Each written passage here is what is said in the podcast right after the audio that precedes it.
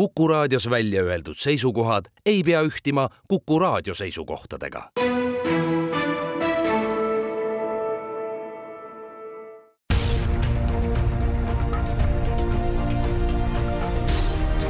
uue samba taga. sammaste taha aitab vaadata sajaaastane eestikeelne rahvusülikool tere, ütlen teile täna Pärnust, sest Tartu Ülikooli Pärnu kolledžis ma olen ja kaks meest on mikrofoni juures, professor Enn Ojaveer ja kaasprofessor Anti Roose, selleks, et rääkida nii mahukal teemal, nagu seda on ressursimajandus. küsija on Madis Ligi. no mida siis Pärnu kolledžis te uurite, et targemaks saada ja seda tarkust ka teistele jagada, sest te pole mitte üksnes teadlased, vaid te olete ju ka õppejõud jah, me uurime siin ja õpetame nii merd, äh, maismaad, metsa, sood kui ka kliimateemasid. Ja eks me siin ääri-veeriga üritame uurida seda siin nii kliimamõjusid Eestile kui ka, kui ka inimese ja mere omavahelisi interaktsioone, kuidas,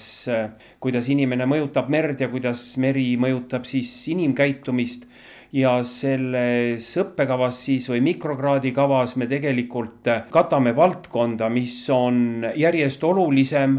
aga mida on ebapiisavalt käsitletud seni, eriti siis õppetöös. see on, kuidas siduda loodusressursid ja inimtegevus nii, et loodusressursse jätkuks eh, inimkonnale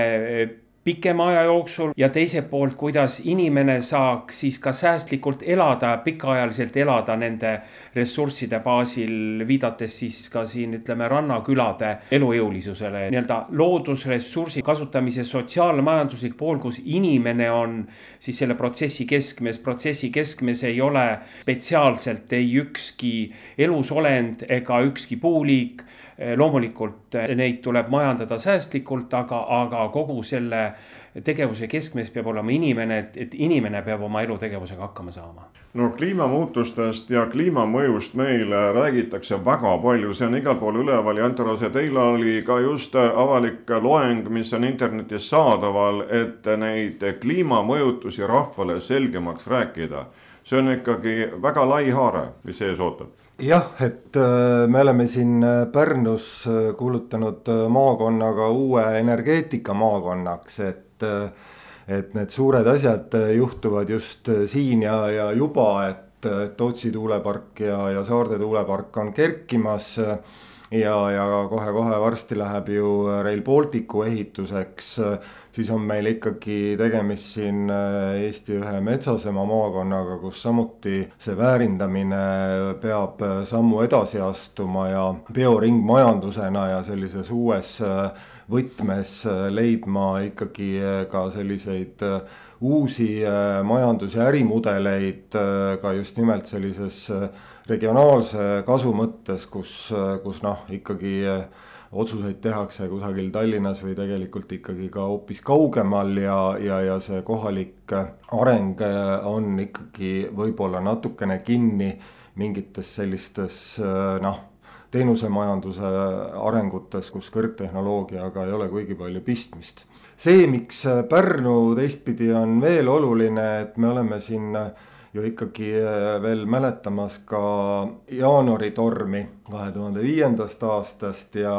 ja seesama kolledž meil siin ju ka sai üle ujutatud, äh, alumised äh, riiulid raamatutest said kõvasti kannatada ja, ja me ise siin olime kõik seda üleujutuse järgset likvideerimas ja, ja tegelikult on Tallinna Tehnikaülikool kui ka Tartu Ülikool läinud teemaga edasi ja ja me tegelikult oleme ka siin saanud selle pildi selgemaks, kui palju siis ikkagi inimesi elab erinevatel üleujutusriskidega aladel, millal siis Elektrilevi tõesti hakkab välja lülitama voolu, kui veetase tõuseb üle kriitilise piiri ja, ja samavõrd on ikkagi arenenud ka prognoosmudelid, ehk siis me igal juhul saame edelatormidega ikkagi äh, reageerida.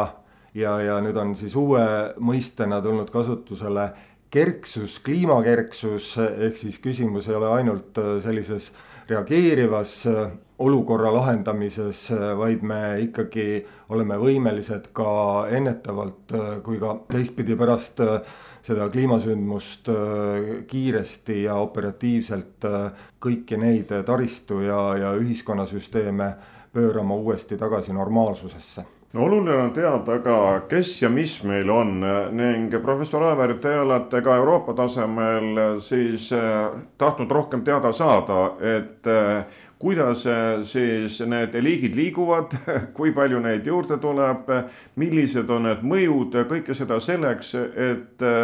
parem ülevaade oleks ees. Jah, see on see looduse pool tõesti, et ega loodusvarad ja looduspaar, loodusbaas, see määrab eh, inimese tegevuse võimalused. noh, see, mis te mainisite, see on eluslooduse pool, tõesti, siin tuleb uusi liike juurde nii merre kui ka maismaale, aga, aga Läänemeri kindlasti meie piirkond siin ei ole noh, siin väga suuri probleeme ei ole võrreldes näiteks Vahemerega, kus tuleb iga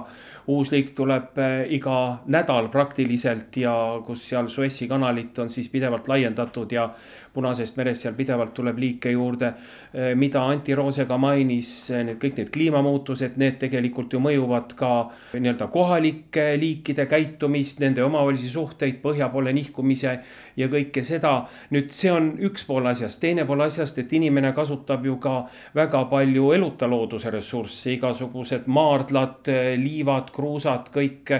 nii merest kui ka maismaalt, eh, väärismetallid, väävlid, kõik, et kogu see pool. ja siis kolmas asi tegelikult, mis, mis on kõige olulisem ja, ja millele tegelikult äh, lahendust, ma arvan, et lähiaastakümnetel ei ole, aga me liigume sinnapoole, head lahendust. see on, et kuidas siis inimtegevust siis korraldada ajas ja ruumis kattuvate ühishuvide puhul. kui me võtame siis, räägime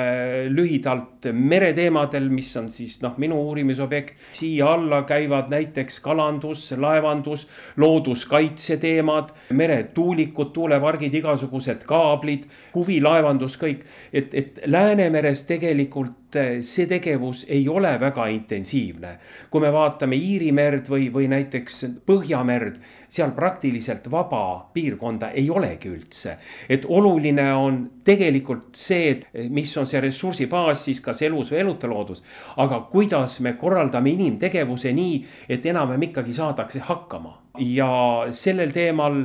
kui te vihjasite siin nendest uute liikide tulekutest, jah, meil siin põhimõtteliselt Läänemeres on üks uus liik või võõrliik, kes on tekitanud siin suurt segadust, see on ümarmudil. mida algul kalurid põlgasid ja ütlesid, et riik peab kõik selle kinni maksma, et selline jama on tekkinud. Teisest küljest see põhjus on selles, et äh, kaubavedu käib laevadega ja kui me tahame võimalikult odavat kaupa, siis on paraku kaasnähtus on võõrriigid, see on globaalne nähtus, siin ei ole Eesti ega Läänemeri ei ole siin mingis eriseisundis. Jah, eks see ole ka ju taimede sissetoomisega, olgu need istikud, lilled või mis iganes või seemned, ikka keegi tuleb kaasa, kutsumata külaline. ja siis on teadlaste asi uurida, et mida sellega peale hakata, kuidas tast jagu saada, et ta meie loodusele, inimestele kurja ei teeks see on uurimismaa. ja tegelikult kõige suuremad üllatused ja ootamatused loodusuurijatele ongi seotud võõrliikidega kohalike liikide kohta me enam-vähem teame, me oskame prognoosida, kuidas nad käituvad, sest nad on siin olnud juba tuhandeid aastaid. nüüd uue liigi käitumine on äh, väga ootamatu tihti ja noh, jumal tänatud, et meil siin ei ole meres mürgiseid võõrliike, aga maismaal on karuputk näiteks, mis toodi ju tegelikult Vene ajal üldse loomasööda eesmärgil ja praegu on inimesed hädas. aga mürgi koha pealt on tegelikult on mitmeid väga mürgiseid võõrliike Vahemeres näiteks, mis inimesed satuvad põletustega haiglasse. mõned võõrliigid, nad võivad ikkagi olla ka nii mürgised, et, et siin piisab, et mürgisemad sisaldavad tugevat mürki kui kaaliumtsüaniid näiteks. meil jumal tänatud, seda ei ole, aga, aga homme, homme võib tulla. on ju viimasel ajal seoses Ukraina sõjaga väga palju jutuks olnud äh, ka gaasitrassid, mis meres on ja milline mõju või kui me meenutame kasvõi seda, kui Eesti ja Soome vaheline kaabel või kaablid tulid päevakorda, et siis oli kohe ka see küsimus, et kuidas ta mõjub mereelustikule ja üldse ümbritsevale. see on jällegi teadlaste leib ka ja no vot see on koht, kus selline loodusteadus ikkagi seostub päevapoliitikaga, midagi pole teha. teadlased peavad ka, ka loodusteadlased või ka sotsiaalteadlased peavad tegelema, paraku nad peavad arvestama nii-öelda poliitika poolt, jah. ega sealt häid uudiseid tegelikult tulla põhimõtteliselt ei saagi, seepärast gaas on mürgine. nüüd, millest on vähem tegelikult räägitud, et kõik need sõjad, see Ukraina probleemid, ka Covid näiteks, see mõjutas väga oluliselt laevaliiklust ja enne oli siin juttu ka natuke nendest uutest liikidest, võõrliikidest. põhimõtteliselt sellised laevade seisakud soodustavad uute võõrliikide sissetulekut, kuna laevad on ankrus siis või sadamates või reidil ankrus pikemat aega. antakse elustikule pikemat aega, et laeva kere külge näiteks kuskile laeva pragudesse ronida või kelle külge kinnituda. ja siis see tähendab seda, et sisuliselt laeva kere on palju elurikkam, kui ta siis liigub ühest punktist teise nii et, et see on selline täiesti noh, ootamatu ja, ja võib-olla, et esmapilgul adumata probleem, aga tegelikult see on praegu juba põhjustanud maailmas väga olulisi uute liikide, nii-öelda võõrliikide sissetulekuid.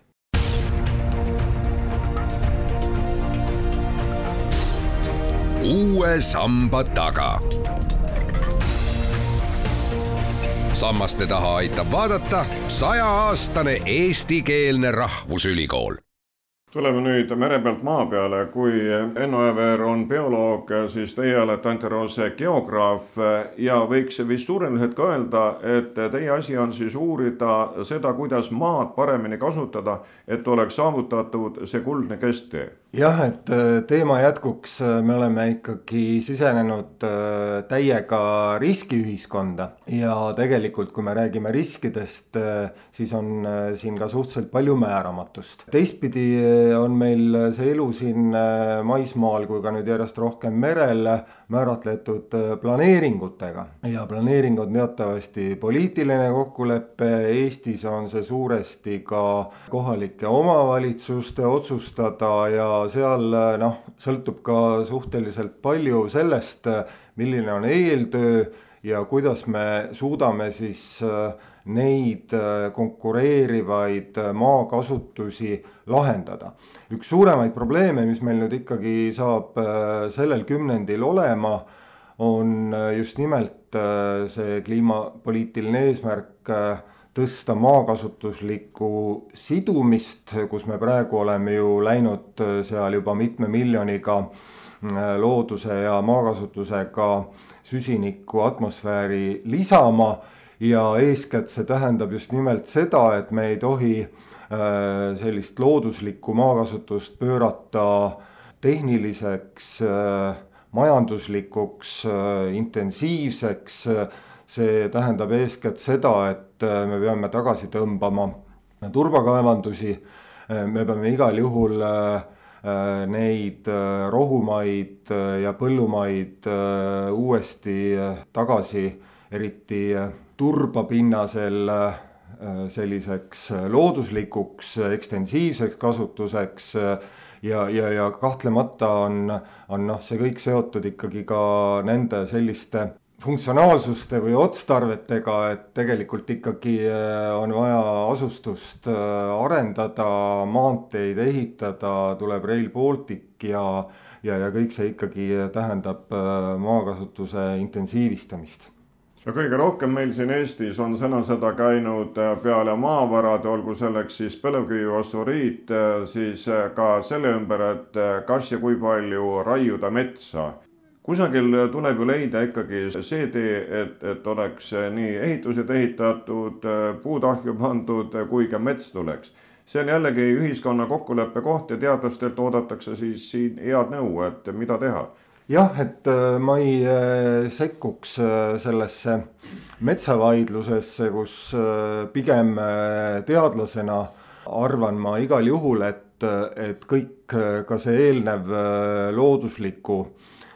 süsinikuringe teema, et seal on üksjagu palju ikkagi ka mõõtmise määramatust ja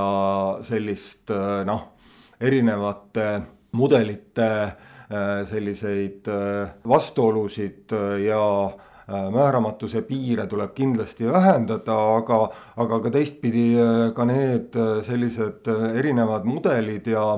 lähenemised, järjest täpsemad andmed annavad ikkagi ka nendeks otsusteks, kas siis millist, millist metsa, kuidas raiuda või siis tõepoolest, kui me siin ka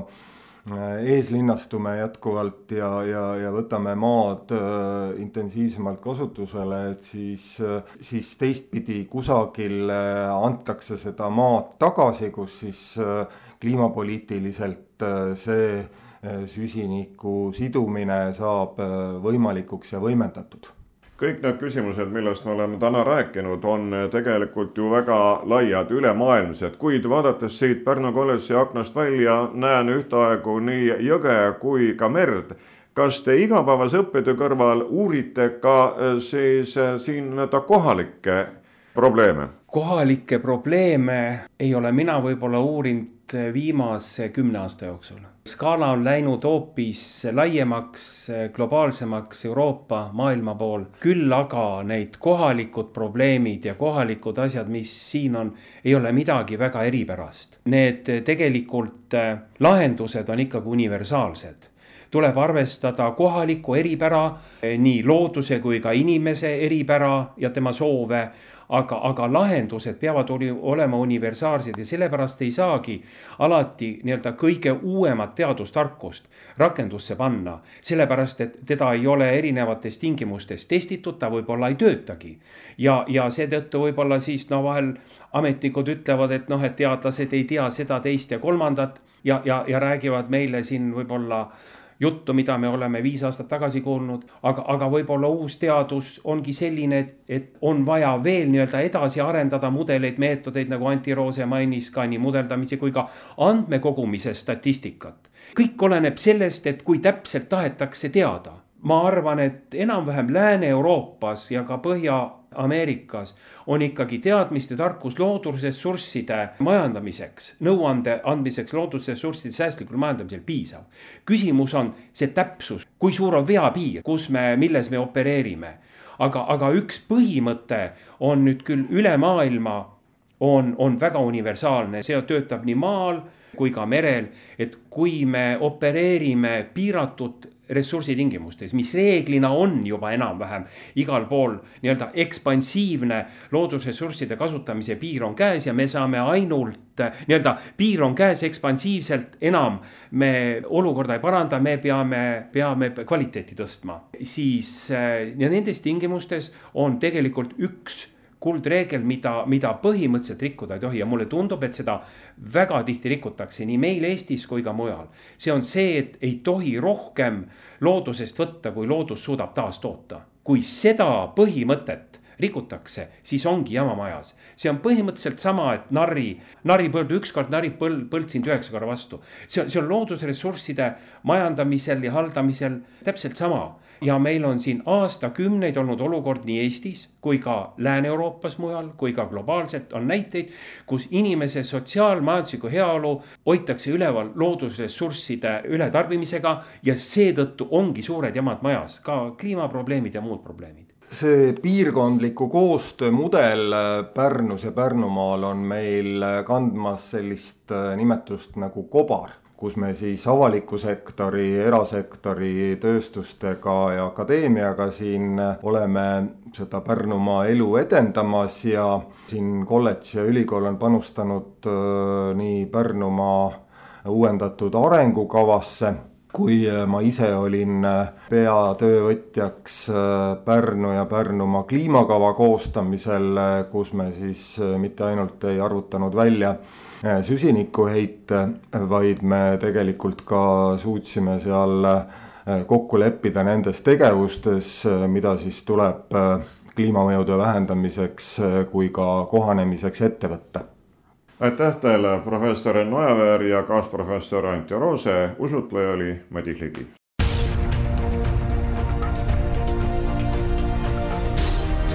uue samba taga sammaste taha aitab vaadata sajaaastane eestikeelne rahvusülikool